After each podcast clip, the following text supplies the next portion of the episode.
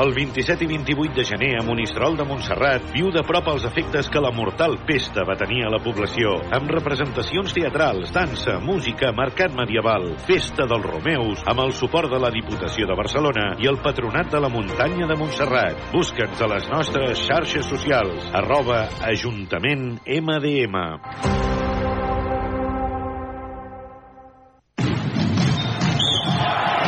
Bàsquet a Ràdio Manresa. L'equip encapçalat per Carles Coder i Josep Vidal t'ho expliquen tot el detall, amb prèvies, narracions, entrevistes i anàlisi de cada partit. 95.8 FM, radiomanresa.cat i aplicacions per iOS i Android. Aquest dissabte, a partir d'un quart de nou del vespre, Baxi Manresa, Rio Breogan. Amb el patrocini d'Equívoc Albert Disseny, la taverna del Pinxo, Expert Joanola Fotomaton, Control, Frankfurt Cal Xavi, GST Plus, Viatges Massaners i Clínica La Dental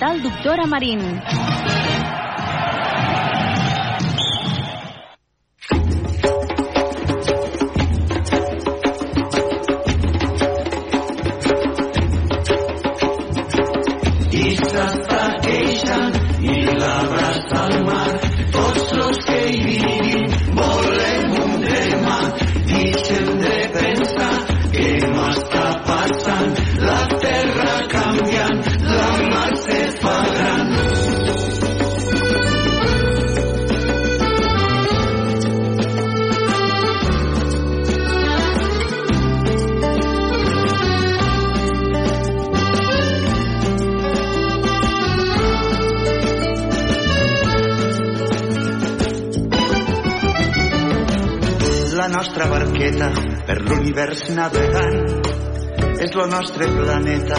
La Terra li vam posar bressol de vida. Qui s'afini a més enllà.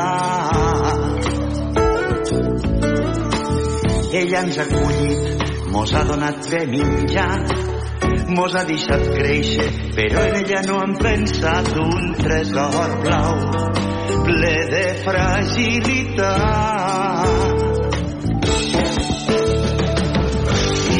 I queixant i l'abraça al mar. Tots los que hi vivim volem un demà.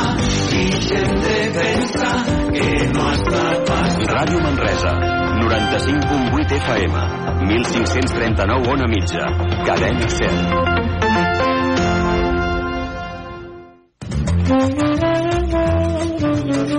Barra Lliure, amb Pilar Gonyi.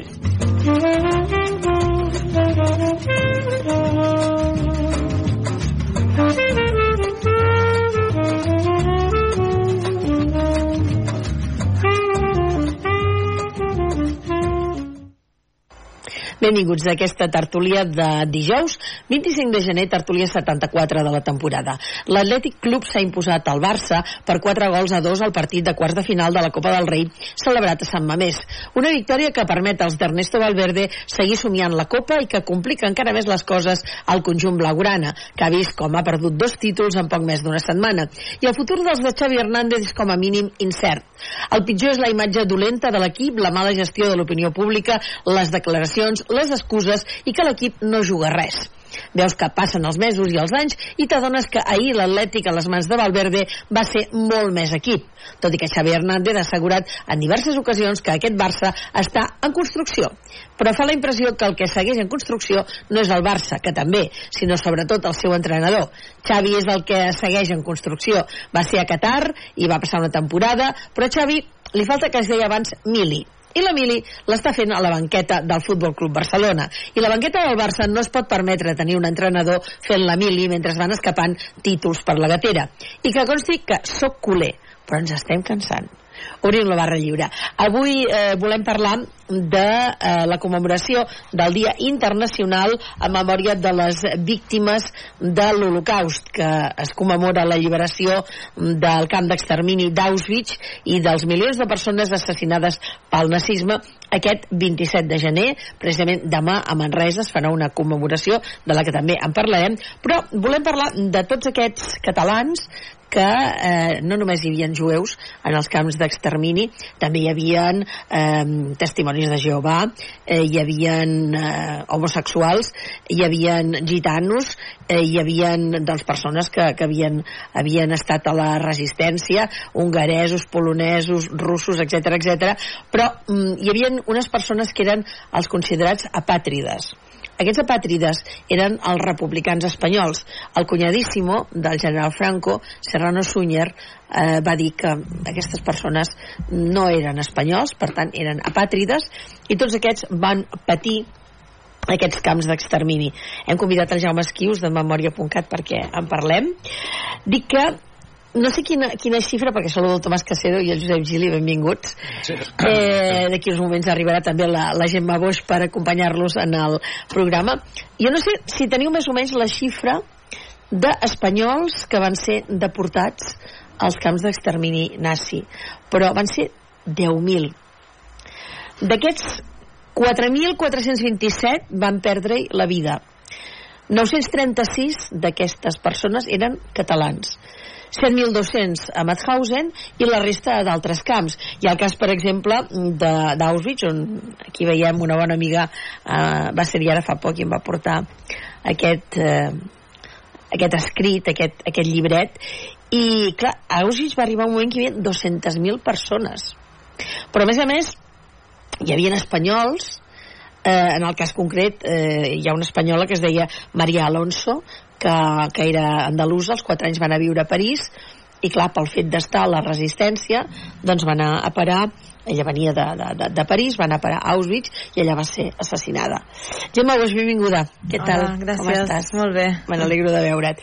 Eh, I una altra cosa que també vull parlar-la amb el Jaume, perquè algunes persones encara no coneixen o potser encara no han vist les llambordes Stolperstein que estan arreu i que per tant jo recomano que si aneu per carrers, sobretot a Manresa, al centre històric, hi ha unes llambordes molt petitones, daurades, que són un homenatge a les persones que van viure allà i que van ser assassinades als camps nazis i aquí Sant Domènec és on es farà la commemoració doncs també.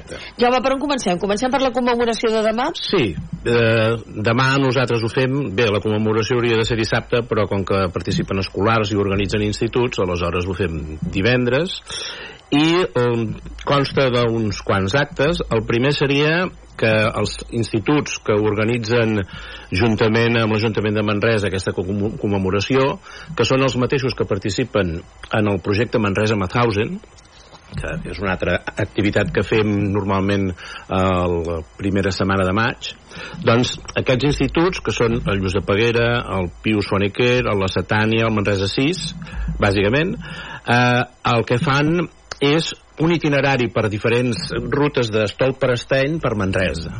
Val?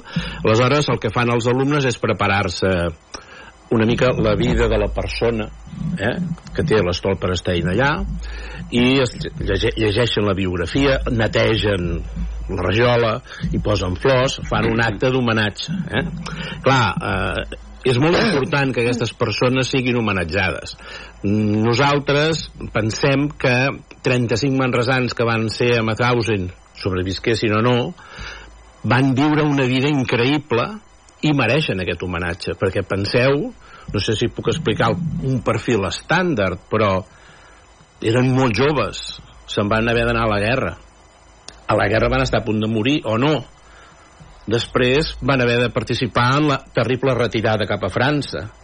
Un cop a França, molts van anar a Argelers, Sant Ciprián, aquests camps que van ser horrorosos, molts van morir en aquests camps. Mhm. -huh. Després potser van viure un parèntesi de tranquil·litat, però comença la Segona Guerra Mundial i ja s'han d'allistar en els batallons aquests de treballadors francesos per construir, jo que sé, la línia Maginot, per construir els, els, les defenses, esperant que vinguin els alemanys, ataquen els alemanys, són empresonats, van a parar en un altre camp, amb els Stalag, allà el cunyadíssimo els diu que no, són, no tenen pàtria, i la majoria, en aquest cas els manresans, van anar a parar a Mauthausen, el complex Mauthausen, Gusen, Evans, i que és terrible.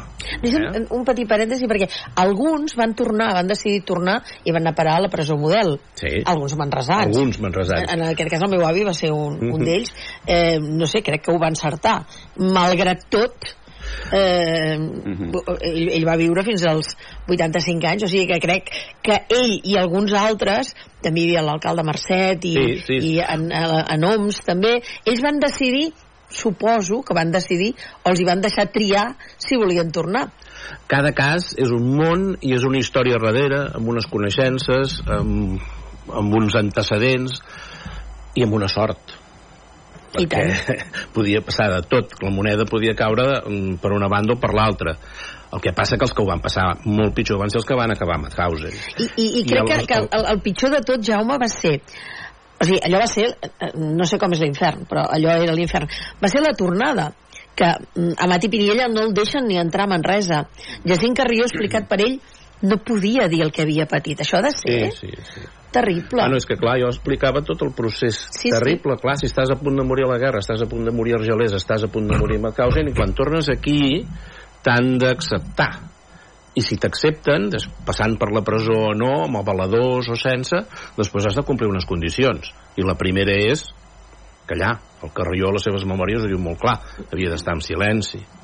Eh? I el Mat Piniella, que vivia a Barcelona, va venir una vegada aquí a Manresa perquè el vam convidar amb un acte eh, de, de presentar uns llibres i tal, i se'ls van presentar a la policia, el van amenaçar i no va poder tornar mai més.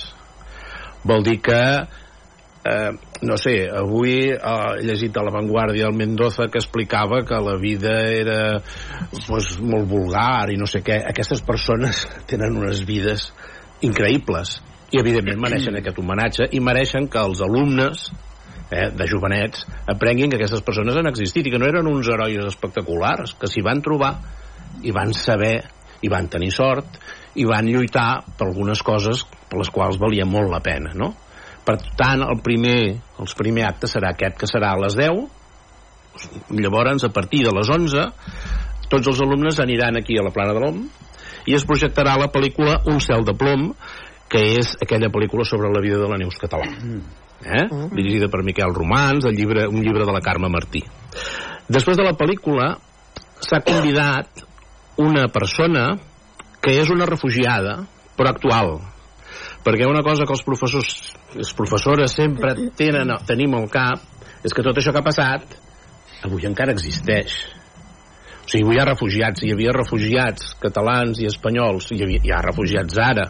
Aleshores, una persona que es diu Sadrat Al-Sayed, de, 20, de 18 anys, que és alumne del Guillem Catà, d'un cicle formatiu, explicarà la seva experiència. Aquesta noia va néixer a Síria, es va haver de refugiar al Líban i després va poder venir a Catalunya eh, gràcies a l'ajut d'una fundació que es diu Tomàs Canet, que és una fundació de jesuïtes que no es dedicava a tema de refugiats. No, Tomàs Canet és de Sant Joan de Déu. de Sant Joan de Déu eh, es dedicava a temes de persones amb problemes de, de, de mentals i tot Sí, això i gràcies a aquesta associació va poder venir per tant està molt bé que els alumnes vegin que els refugiats existeixen avui dia eh?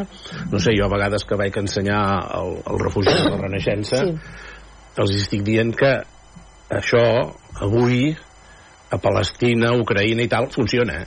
Mhm. i encara hi és perquè no ho veguin com una cosa molt allunyada i al final després de sentir aquest testimoni s'acabarà amb l'acte d'homenatge que solem fer cada any a la plaça Sant Domènec aquests és una mica tots els actes que es faran per commemorar aquest Dia Internacional de Memòria de les Víctimes de l'Holocaust. Eh? I aquest dia, i llavors el, de, el 5 de maig, que és el dia que es commemora lo dels els refugiats espanyols que van estar empresonats els deportats a Mauthausen. Eh? Són els dos dies clau i nosaltres, els projectes que es fan aquí a Manresa a nivell pedagògic relacionats amb aquest tema, alguns els portem amb un fil conductor que comença ara i acabarà amb un viatge a Mauthausen per uns quants.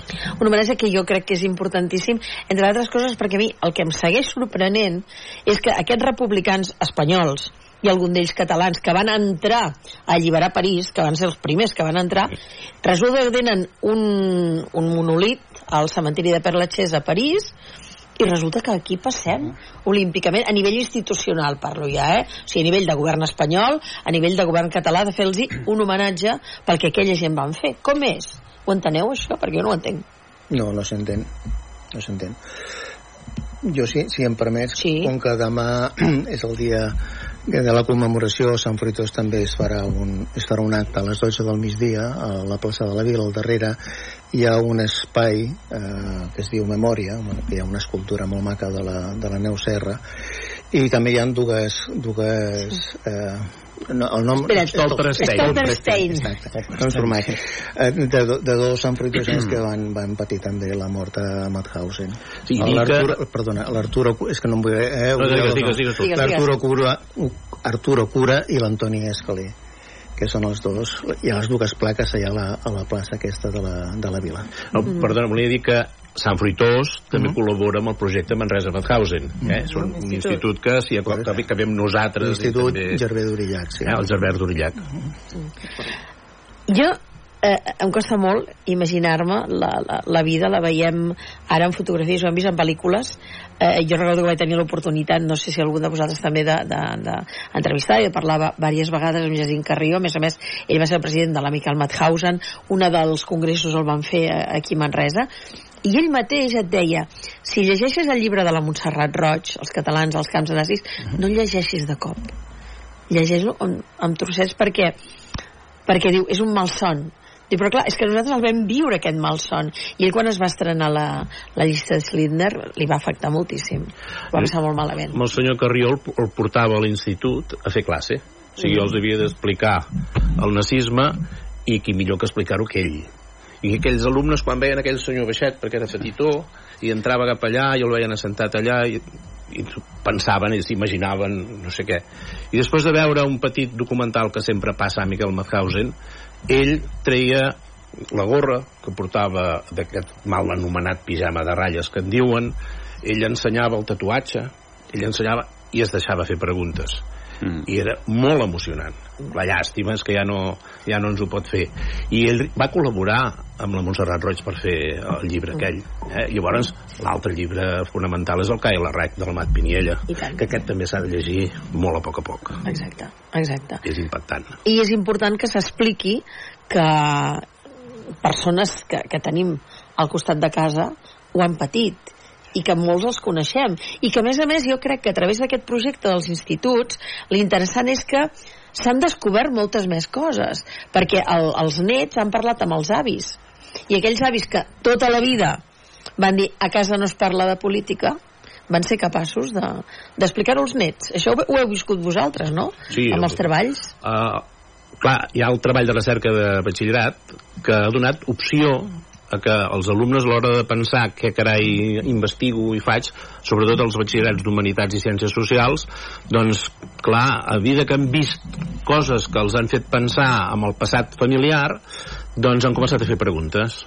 I com diu la Pilar, és cert, els que van viure tots aquests episodis, o que van viure la Guerra Civil i van estar en camps de concentració o el que sigui, no explicaven mai res era una, eren tombes era una cosa que eh, era impossible saber-ne res. Però clar, aquests nanos han anat tibant, han anat tibant i han sortit fantàstics treballs de recerca sobre això, uh -huh. eh, o aquell programa de televisió que van fer, deu fer un, un any o dos per, per la te te televisió de Catalunya, per TV3, en el que es veia eh, com investigaven el passat familiar, jo que sé, del Buenafuente, o de no sé quants, no, sembla que es deia Quanta Guerra, mm. allò també va de cop i volta vam tenir demanda de, els professorat va tenir demanda de gent que volia investigar això. I clar, a partir d'aquí eh, penses, ostres, està molt bé parlar-ne i està molt bé que ho coneguin està molt bé que ho coneguin. Sí, de, de fet, eh, els orígens d'una mica de tot plegat és un treball de recerca, si no tinc mal entès, que alumnes, dues alumnes del Pius, Foniquer, amb el Jordi Pons, crec que com a professor que dirigia el treball de recerca,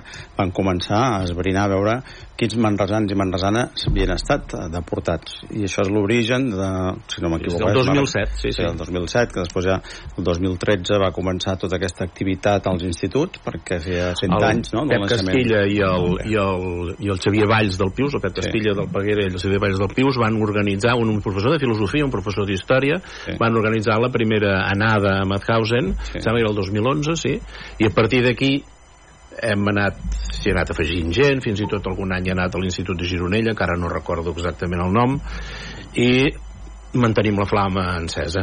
Mm. Ja, sabeu què m'al·lucina més? I us ho pregunto vosaltres que esteu en el món de la política. Has parlat de la Neus Català. Hem comentat que moltes d'aquestes persones eh, que, que els van considerar apàtrides i que estaven vinculats alguns no, però molts estaven vinculats a moviments polítics de, de l'època de la República, doncs mai més van tornar a la política. I veus la vida de la Neus Català i veus que Guerra Civil, se'n va a França, continua amb la resistència. Sí. Camp de concentració a Ravensbrück. Quan surt d'allà, a França, continua en política. Jo li demano a la Gemma, escolta, Gemma, tu creus que si haguessis vingut tot això, continuaries en política? Perquè és per dir, escolta, jo no en vull saber mai més res. Home, jo crec jo no ho sé, eh, clar, no, no, sabria, no t'ho sabria dir, no? però jo penso que justament pot tenir més ganes de, de, de, de continuar en política no? per intentar justament que treballar, lluitar perquè tot això no torni, no torni a passar en, en aquests termes no? vull dir que mm, la pregunta que també feies abans de com és que no tenim, no? com és que ten, coneixem tan poc la història de, de, no? de les persones que van alliberar París des d'aquí pues, també respon a una qüestió política, no?, d'anys doncs, que segurament no s'ha fet aquesta feina de, de memòria històrica, no?, vull dir, perquè clar, s'està fent ara des dels instituts, des de la docència, no?, però sí que és cert doncs, que s'està cobrint no, potser uh, pues el, el que hauria d'haver fet no? s'hauria d'haver fet des, de, des del govern tant de la gent com evidentment de, de l'estat espanyol no? que tenia, hi ha com aquest fals mantra de que sempre es parla molt de la, de la guerra civil però en realitat no, queden encara moltes coses doncs, per, per parlar no? i per i per, per compensar doncs, a, amb tots nosaltres i, i, i a mi m'agradaria afegir també que jo, a mi se'm va fer llegir el quart d'ESO, el Peguera, el Kyle Reig i crec que és una... bueno, em va encantar no? i que, que aquesta lectura obligatòria a, a l'ensenyament obligatori no? Mm, bueno, em va, em va agradar moltíssim no? no sé si encara ara es fa però, però estic molt contenta de, de que en aquell moment haver pogut, que se'm fes llegir i haver pogut fer aquesta lectura de, a més a més del Manresà, no? I gràcies a Manresa, que va, va entrar amb el tema del Caia de Raig, era un llibre que estava esgotat. Sí. Aquest llibre l'havies de trobar de segona mà. Fet, jo el vaig comprar de, de segona mà quan m'ho va explicar el Jacint Carrió, perquè no el trobaves a cap llibreria, estava vaja, no, no estava reeditat. I gràcies a la insistència del professorat del Peguera i del Pius, aquest llibre s'ha reeditat i ara sí que crec que es pot trobar a tot sí, arreu. Sí, sí, està editat. Cap sí, problema. Sí. Torno al tema. Vosaltres què en penseu això? Tornaríeu a la... Clar, és difícil d'imaginar una cosa tan bèstia. Però tornar a la política després de tot això? Bueno, uh, ara per ara és l'instrument que tenim, no? Si volem negociar qüestions i volem traslladar a la societat doncs, necessitats o, o crítiques i, i els polítics que fem. Si estem al, al govern governem i si estem a l'oposició intentem doncs, uh, que els que governen facin bé.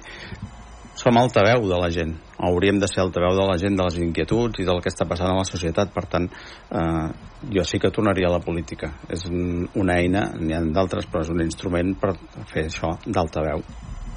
I tu Tomàs? segur, segur. Us puc explicar una, bueno, una història familiar una miqueta quan parlava del cunyadíssim el meu pare no, no va estar deportat fora de, de la península, però van desterrar a Catalunya. El meu pare era, era de la província de Madrid, era de, de la zona roja, van perdre la guerra, un tiet va ser fusellat, un altre tiet va estar a treballs forçats a Colgamuros, al Valle de los Caídos, i amb ell el van desterrar durant 3 anys a Catalunya desterrar fer una mili obligatòria que deien en aquella època i va estar doncs, pel Berguedà, el Ripollès tota aquesta zona de, de muntanya de, de Catalunya.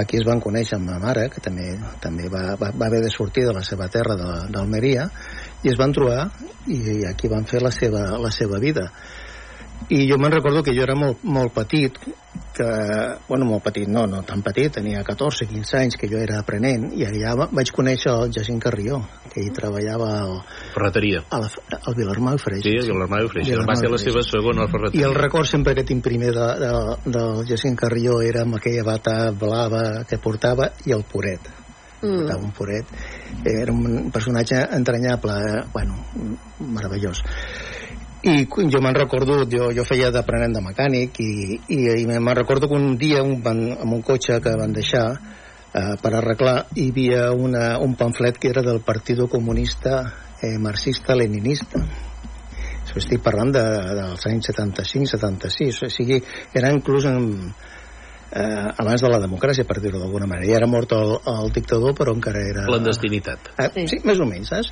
I me'n recordo que, que quan va arribar l'amo, que ja li vam, a l'amo del cotxe, que li vam arreglar, li vaig demanar un, un, un exemplar del, del, Del pamfleto. del, del pamfleto que tenien, sí, sí. I el vaig portar a casa i li vaig ensenyar al meu pare, perquè el meu pare, eh, que evidentment quan el va veure va dir, hòstia, eh, dic, jo a mi és que m'agrada molt aquest tema i, i, el primer que vaig fer no, no em vaig fer del Partit Comunista Marxista-Leninista però eh, em, em vaig afiliar de seguida a les comissions obreres.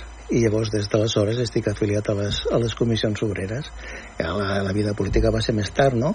però sí, sí, el meu pare em va, em va encoratjar. Tot tenint en compte de que la meva iaia que vivia amb nosaltres era molt franquista perquè ella considerava que el Franco havia portat 40 anys de pau a Espanya Uh -huh. Escolta'm una cosa, Tomàs, ara que, que expliques. Tu ja has parlat amb els de Memòria.cat i els hi has explicat tota aquesta història? Històries- és interessant, eh? No, per exemple, hi ha un cas, no fa gaire hem publicat una, fa uns mesos vam publicar un web sobre la Justa Freire, que és una senyora que era mestra eh, a Madrid i va estar mm, expulsada de Madrid, desterrada, i va viure a Manresa uns mesos. Eh, aquesta senyora no fa pas gaire temps tenia un carrer a Madrid i li van canviar el nom del carrer els que hi ha ara sí? pel senyor Millán Estrai En sèrio? Això? ara sí. això està publicat al memòria.cat heu d'entrar a memòria.cat sí. o al memòria.cat barra edu que hi ha molta, molta feina sobre això sí. i és un cas igual, en aquest cas eren els mestres els mestres, els d'aquí els feien, els desterraven cap a la resta de la península i els d'allà els desterraven cap aquí eh, coses com aquestes eh, eh, exemplifiquen i, i donen una miqueta el, els motius pels quals aquí a Espanya o a Catalunya no s'han fet aquest, aquests homenatges perquè eh, tenim dos, dos bàndols que, que són molt estan molt, molt, No, molt, les dues Espanyes Bueno, continuen. exacte, això continua Sí. igual per Encara tant, són, sí, exacte, sí, sí De tota manera, aquesta història de, dels teus pares jo crec que sí que, que estaria bé que la poguéssiu explicar Mhm. perquè bé, és un mes d'aquests, eh, com deia el Jaume, de- d'aquests herois anònims i que, eh, i que han viscut una vida mm, terrible que no ens podem ni, ni, ni imaginar. És que un sol dia en un camp d'aquests, un sol dia, una hora, ja ha de ser terrible. I jo no sé si quan venia, jo no l'havia vist mai amb un, l'havia sentit en xerrades, l'havia entrevistat, el Jacint Carrió, però no sé si quan venia als instituts també feia, com quan feia xerrades, sobretot el dia de l'amic al Madhausen, que aquell dia va ser impressionant a l'Ajuntament de Manresa, que el Joan Canongia, eh, llavors era regidor, i diu, avui el Jacint Carrió se sent Mm. se sent ple, perquè hi havia tota la, la seva gent. I me'n recordo que sempre vaig notar que ho explicaven d'una manera que semblava que ho relativitzaven, o sigui, no sé, o sigui, t'explicaven la- la- la- l'escala de la mort, per exemple, i amb una naturalitat, d'una manera que tu pensaves, però, però a veure, que aquest senyor m'està explicant que portava quilos a sobre i que si queia de l'escala o es matava o el mataven. I tu no li notaves aquest toc? com ho explicaries? És que no ho sé. havent-ho viscut Per supervivència. és que és clar, és un escut És un mecanisme de posar perquè- defensa, no? exacte, perquè si no seria, seria impossible per cert, dintre dels actes perdona, a més a més durant eh, aquests mesos fins a l'abril es fan visites al refugi de la Renaixença per escolars i per gent en general. L'altre dia en vam fer tres, quatre visites seguides al refugi de la Renaixença per tots els marresans que es van voler apuntar o van sentir i també va molt bé d'explicar eh? va molt bé d'explicar perquè relaciones una cosa seria tot el tema de l'Holocaust però l'altra cosa és re- relaciones a la Manresa quotidiana i la gent normal que va passar per que va passar eh?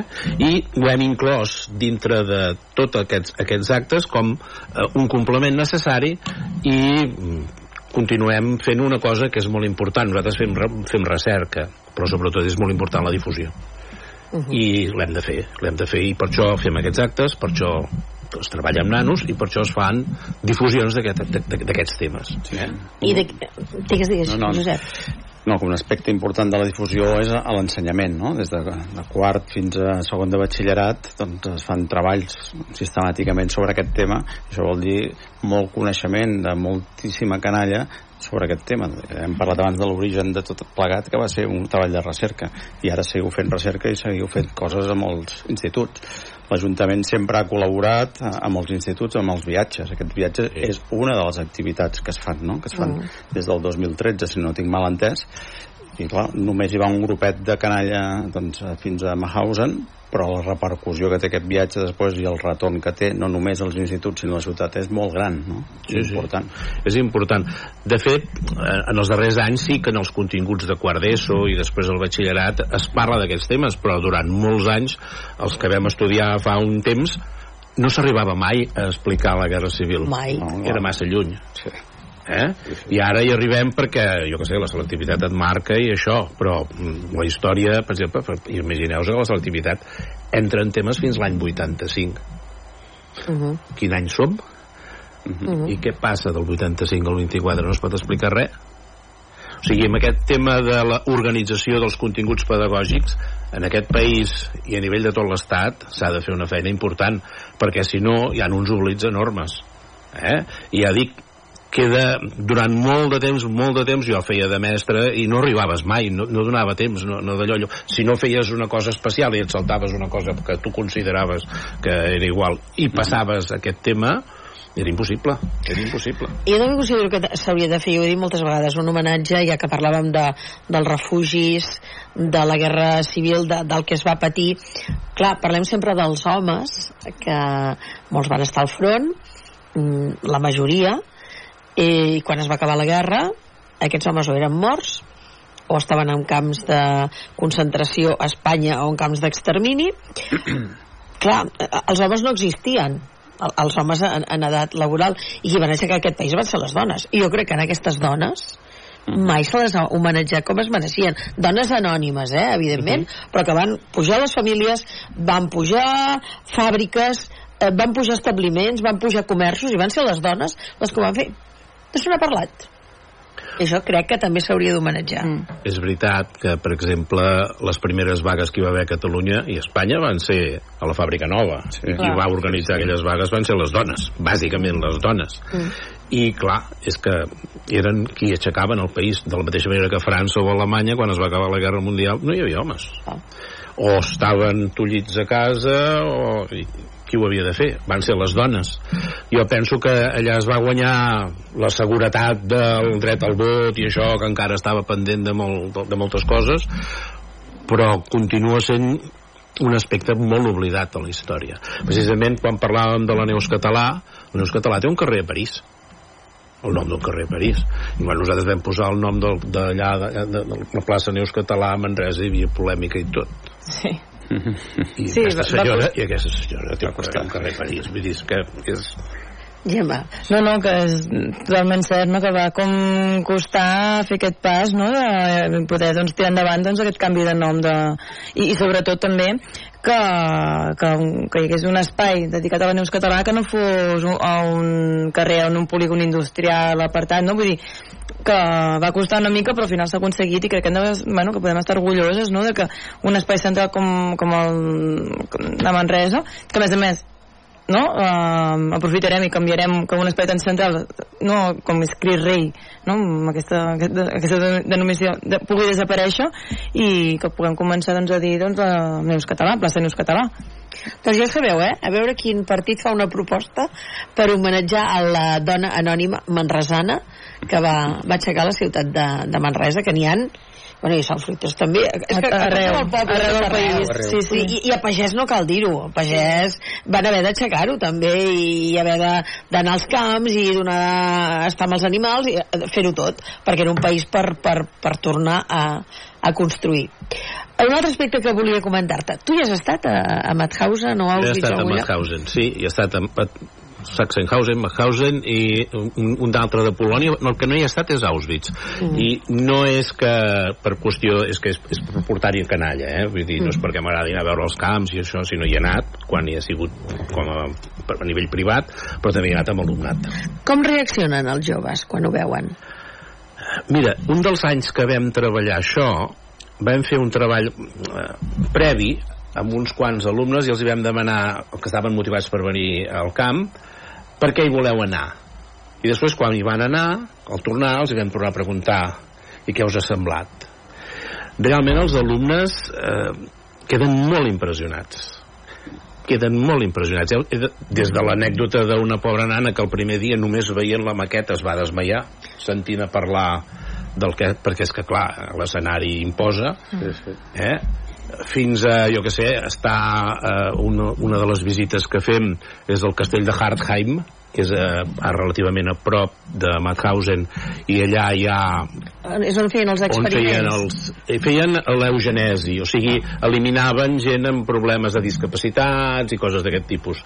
Mm. I veient les, les, les, les tumbes allà, doncs, posar-se a plorar, coses d'aquest tipus. O sigui, emotivament és molt impactant.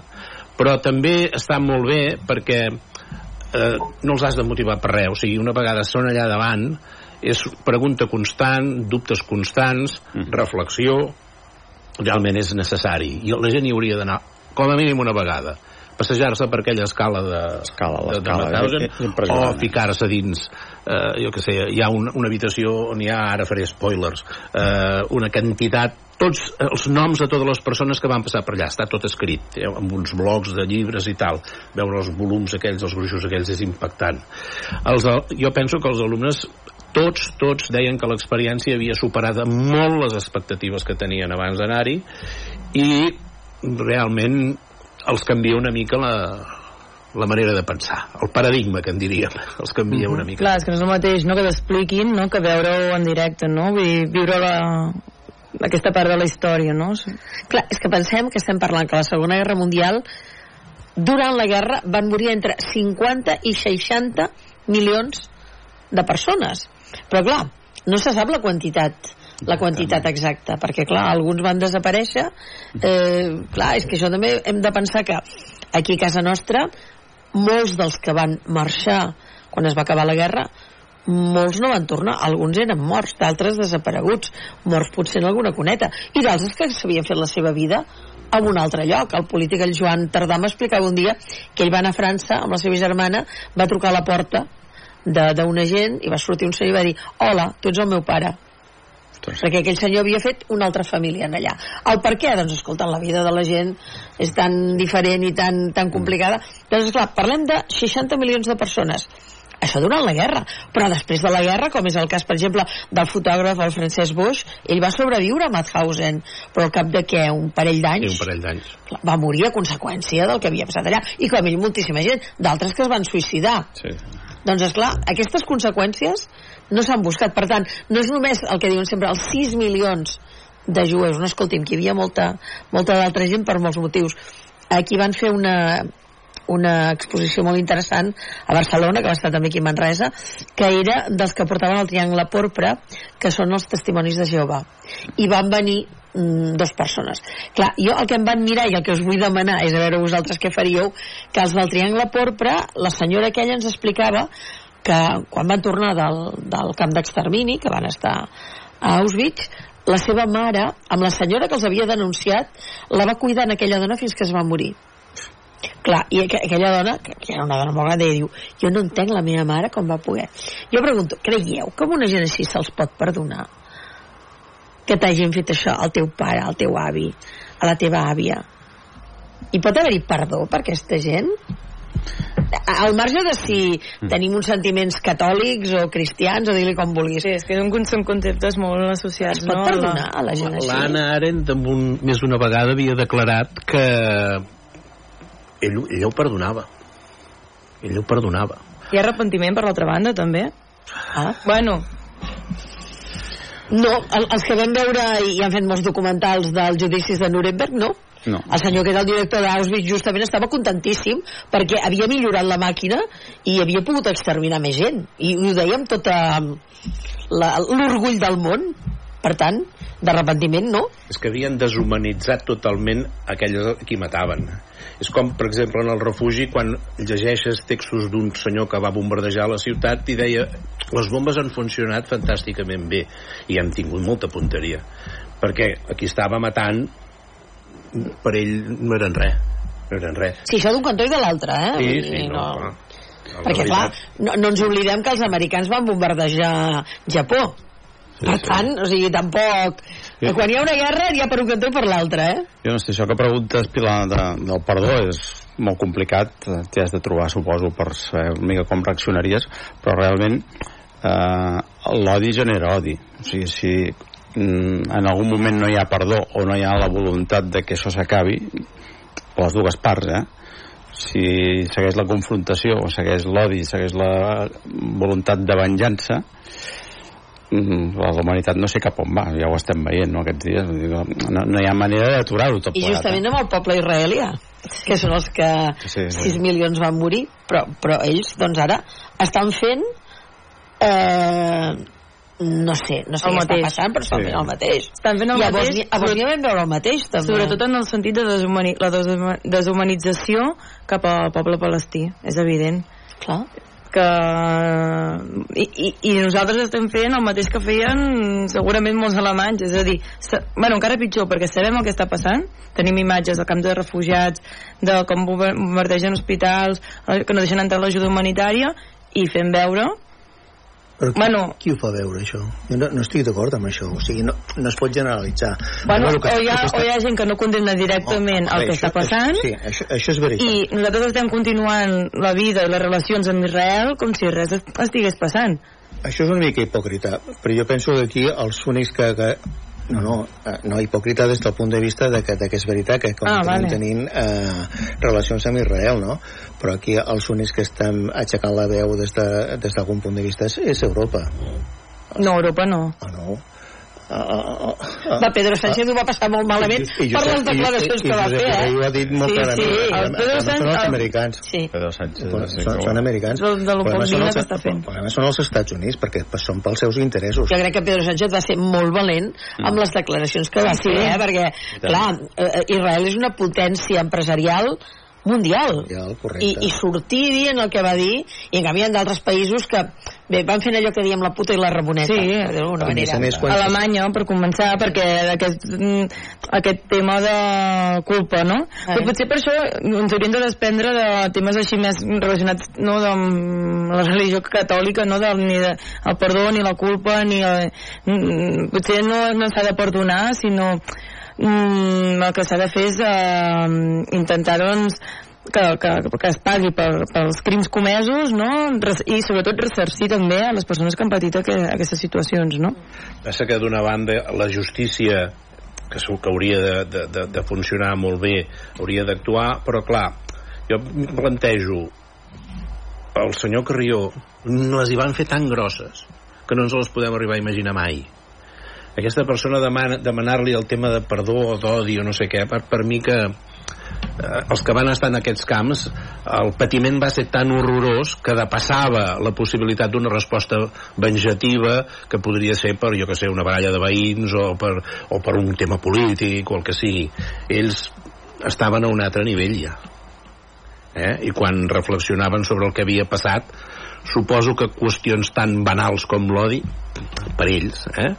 No, no devien afectar tant no sé, és una opinió personal segur, eh? No, però per exemple, el, en, en el teu cas de la teva família, tu, tu tens un oncle que, que va morir a, a, al Valle de los Caídos. El, el... No, el que, eh, el que va estar al Valle de los Caídos va, va ser treballs forçats Uh -huh. i vaig tenir un altre tiet que sí que va ser fusellat a, Mm. a la guerra civil. Aleshores, a, a, a casa teva se'n parlava d'això? També hi havia A el meva- silenci? No, però és el que et deia. Eh, a casa meva vivíem, I per saber què pensaven, eh? vivíem la dicotomia de que la meva iaia era, era franquista i, la, me- i el meu pare era antifranquista total. Per tant, intentàvem parlar molt poc de política perquè cada vegada que es, que es parlava una miqueta de política eh, s'encenien bueno, hi havia, hi havia molt hi havia molt, molt jalello per dir-ho d'alguna manera Mhm. el que sí que et puc dir és que jo recordo que el meu pare el meu pare treballava a la fàbrica nova llavors quan, quan ell era el que es deia abans eh, un enlace sindical. I quan li tocava anar a Madrid a fer la, aquelles demostracions sindicals que feien ell amb els diners que podia recollir perquè eh, a, la, a la província de Madrid sobretot a, als llocs més, més, més camperols per dir-ho d'alguna manera hi havia molta pobresa i es passava fam. Estic parlant dels anys 70 i els, anys, i els primers 80 llavors ell feia un raconet i els anys, i quan, quan anava cap a Madrid en lloc d'anar al Bernabéu a fer la, la demostració sindical se n'anava a Fuentidueña que era el seu poble, a 60 quilòmetres d'allà i anava a veure la seva família i els ajudava els hi portava diners i a vegades llavors, llavors jo recordo que la, la família de Madrid quan, quan els anem a veure sempre se'n recorden i sempre diuen que ells recorden de poder menjar de forma entre cometes, decent quan venien, quan venia el meu pare i quan veníem nosaltres de vacances, anàvem allà. Uh -huh. Vull dir que la solidaritat eh, mm, està molt forta. Uh -huh. Està molt forta. Uh -huh. Per tant, valors com la sol- solidaritat i sobretot la veritat, o sigui, aquests que van estar en els camps de concentració, per damunt de tot el que volien és que, hi hagués, que se sapigués la veritat. Correcte. i que no s'oblidés la veritat. Correcte. i per això es fan aquests actes i per això el, el Jacint Carrió sí que va tornar a la política una mica perquè va ser regidor de la gent gran i tal.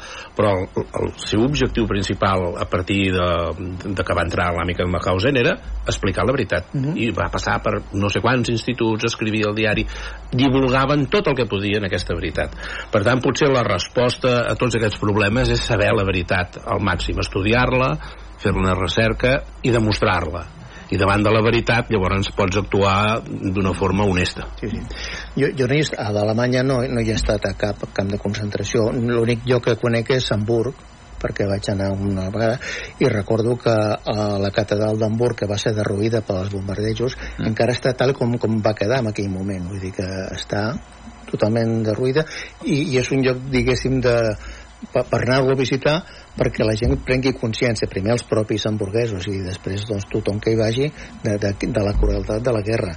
En aquest cas era dels alemanys un cop van, van, van patir tota la, tota la, Eh, els alemanys?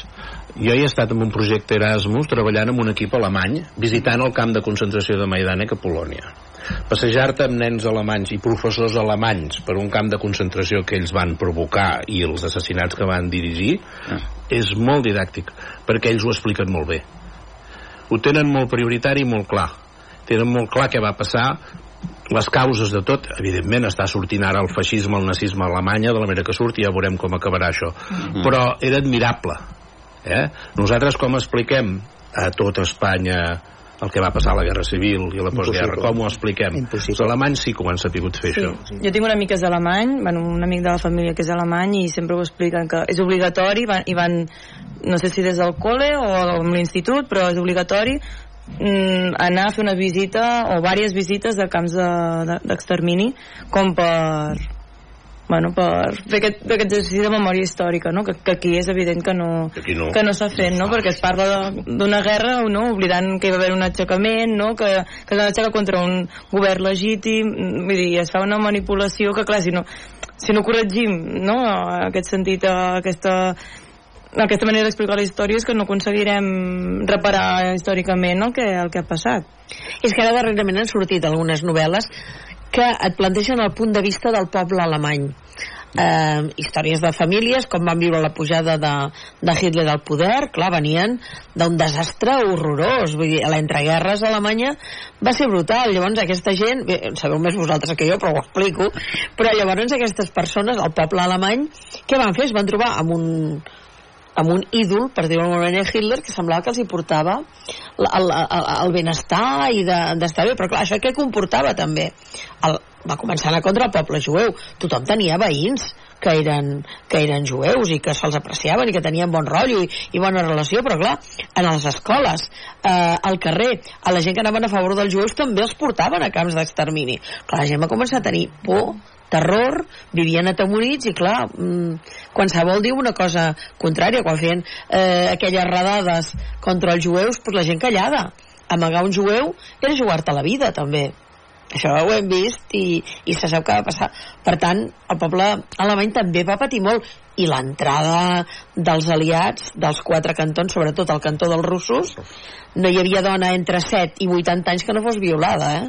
O sigui que els quatre cantons que, que van fer, que estaven al cantó americà encara, però el cantó dels russos ho van Bueno, crec que aquí també hi ha hagut eh? una mica de... També ens han explicat la història com, a, com per part, no? que sembla, de vegades ens sembla que qui, qui va fer més per la Segona Guerra Mundial va ser, va ser els, els Estats Units, no? Quan, quan el, el front el front rus de, la, bueno, no, um, és, és el país que, que va patir més que, Sí. que va morir més gent no? I tant. que, no, que ens sembla de vegades que mm, això, no? Que, que li hem de donar les gràcies als americans que ens van salvar, quan tampoc crec que... No, jo no dic amb aquest aspecte. no jo dic que, que, que els russos van fer bestialitats. No dic que no en fessin els, els americans, perquè els americans quan van entrar a Itàlia, allò va ser horrorós. Llegeix el, el, el, el llibre document de la de Cavani, el que van fer els americans és, és horrorós el que van fer a Itàlia. No, jo, no és que els defensi. Jo estic dient que dins de la deshumanitat d'una guerra eh, els alemanys a Berlín eh, el, tema, el tema rus va ser molt dur i molt dolorós. Pregunta-ho a l'alemany que vulguis, anque- eh? el, els anglesos i els americans van bombardejar la ciutat de Dresden quan ja s'havia acabat la guerra i no van deixar res. Mhm. Per exemple. Vull dir, l'efecte de la bombardeig de Dresden va ser superior gairebé a la bomba d'Hiroshima. Mhm. I la guerra ja estava. Vull dir, Dresden ja no... Sí, sí, no se sap ni per què ho van fer. no simplement. Per tant, allò que dèiem els odis, la, crueltat, la, la revenja, si tu ets un soldat i aquells d'allà t'estan matant, mm, poden passar moltes coses, però si t'han matat un amic o han bombardejat la família i tal, quin esperit porten aquesta gent a dintre? Uh -huh. I no oblidem els francesos, perquè el general de Gaulle se'n va a Anglaterra i allà, mira, Mhm. i, i aquí van estar a França a costat de, de l'exèrcit alemany. I la, els mateixos gendarmes francesos són els que anaven a buscar els jueus, els van portar allà en aquell velòdrom, que allò va ser una de les bestieses més bèsties que hi va haver. Ara el van enderrocar després i aquí, si he vist, no m'acordo però els francesos també Hi ha una placa, jo el vaig anar a veure, hi ha una placa... que ja no menjar part, eh? Sí, sí, sí. Vull dir que aquí n'hi ha, ha per tothom, per tots els cantons, i sí, clar, home, el, el, el l'odi genera odi, però com deies tu molt bé abans, el record ha de persistir. No només de, de, dels 6 milions de jueus i del museu de, de l'Holocaust i de tot això, que aquests van ser els primers que ho van explicar. Clar, el Jacint Carrillo arriba aquí no ho pot explicar. No, no. És que no em, de, no em diguis Podia. no em diguis que bèstia és això que tu hagis viscut el que has viscut i que arribis d'aquí i diguis no, és que si ho expliques et tornarem a portar a la presó que això m'imagino que hauria anar per aquí, no? Sí, sí, sí, sí, sí. I clar, Home, penseu que quan aquí a Manresa, bé, jo no sé, havia de venir el Franco o havia de venir un arcabisbe o el que sigui, la policia se n'anava a casa de les persones que estaven així en la condició del Carrió a callar i no bellugar-se de casa, els avisaven, eh? I a vegades, jo que sé, anaven a la fàbrica on treballava aquell treballador i d'entrada dues castanyes a callar i cap a casa. I quan havia passat, llavors ja podien tornar a sortir a fer vida normal. O sigui, la repressió va ser duríssima, va ser duríssima. I amb això dels camps de concentració, mira, Auschwitz, eh, Sachsenhausen, Mau- Mauthausen, tots aquests camps són molt importants. I sabeu per què també són molt, molt importants? Perquè a Espanya no hi ha res. A Espanya va haver-hi camps de concentració. Ah. Jo he estat a Miranda d'Ebro, que hi va haver-hi el meu pare, i allò fa pena. És horrorós. Quatre ruïnes mal posades, quatre cartells mal posats, i ja està. No s'ha conservat res. Però hi va haver-hi molts catalans que van morir a camps de concentració i no ha quedat res, no s'ha guardat cap espai de memòria per aquestes coses que es pugui visitar, que sigui verídic i que puguem fer una mica, entre cometes, de net històric amb aquest tema a nivell de reconciliació allò no va existir no pot ser, no pot ser per això hi ha molta feina a fer a nivell de recerca per el tema de la memòria històrica. Hi ha molta feina a fer a nivell europeu amb el tema de l'Holocaust amb el tema de la Segona Guerra Mundial però també hi ha molta feina a fer a l'estat espanyol que està pendent. I ara en aquests moments per exemple a Catalunya amb el govern que tenim eh, com, com hi estan treballant o estan fent algun treball, per exemple, no sé, a mi se m'acut doncs, el tema de, de l'Ebre, que va ser la batalla més, més forta, no sé, per allà fer algun... Home, hi ha rutes per seguir sí. pel, per l'Ebre que estan Però força un bé. lloc on es La pugui zona- reconeixement la o- zona de Xerta i tal que passa que eh, hi ha el Memorial Democràtic que actua com a entitat i, i promou treballs d'aquest estil i des de la Generalitat també s'ha fet vull dir, jo que sé, per exemple, Anna Mathausen el Memorial de Català, recordo que el, el senyor Romeva va ser el que, el que el va inaugurar i érem nosaltres allà i que Catalunya estigui representat allà eh, feia molta il·lusió però clar, nosaltres trobem que és insuficient. Per exemple, no fa gaire, una, una de les últimes recerques que hem fet nosaltres va ser descobrir eh, un 34 persones que estaven al cementiri, en una fossa comuna al cementiri de Monistrol de Montserrat, que havien estat a l'Hospital de Sang de Montserrat, i que hem publicat la llista, i aquesta llista ara hi ha hagut una família que ha descobert on carai era el seu avi que no sabien on era, l'havien perdut de vista i gràcies a això ho han trobat. Wow. Clar, això va començar perquè algú buscant per l'arxiu comarcal va trobar un lligall Mhm. i va començar a remenar i va començar a tibar del fil i d'allò primer que hauríem de fer és arreglar l'arxiu comarcal, per exemple. Uh -huh. O sigui, hi ha arxius que estan molt bé, però hi ha arxius que estan, estan en unes condicions bastant deplorables, i no, ta, no tant per la gent que hi treballa, que deu fer el que pot, però clar, sí, hauria, hi hauria d'haver una inversió molt important i sí, sembla ser que volen fer uns edificis i tal, però mentrestant o sigui, jo penso que es fa poc i clar, i amb la llei de la memòria històrica ara s'està actuant molt Mm. però en el parèntesis Rajoy Res. no s'hi va invertir ni un euro Hem d'acabar, Jaume. Escolteu, demà aquesta commemoració a Manresa i el dia 27 dissabte, aquest dia internacional en memòria de les víctimes de l'Holocaust. Gràcies a tots per ser a la tertúlia. Gràcies, Jaume. Eh, gràcies, Gemma. Gràcies, Tomàs. Gràcies, Josep. Tornem demà a les tertúlies. Adéu-siau. Barra Lliure, amb Pilar Gonyi.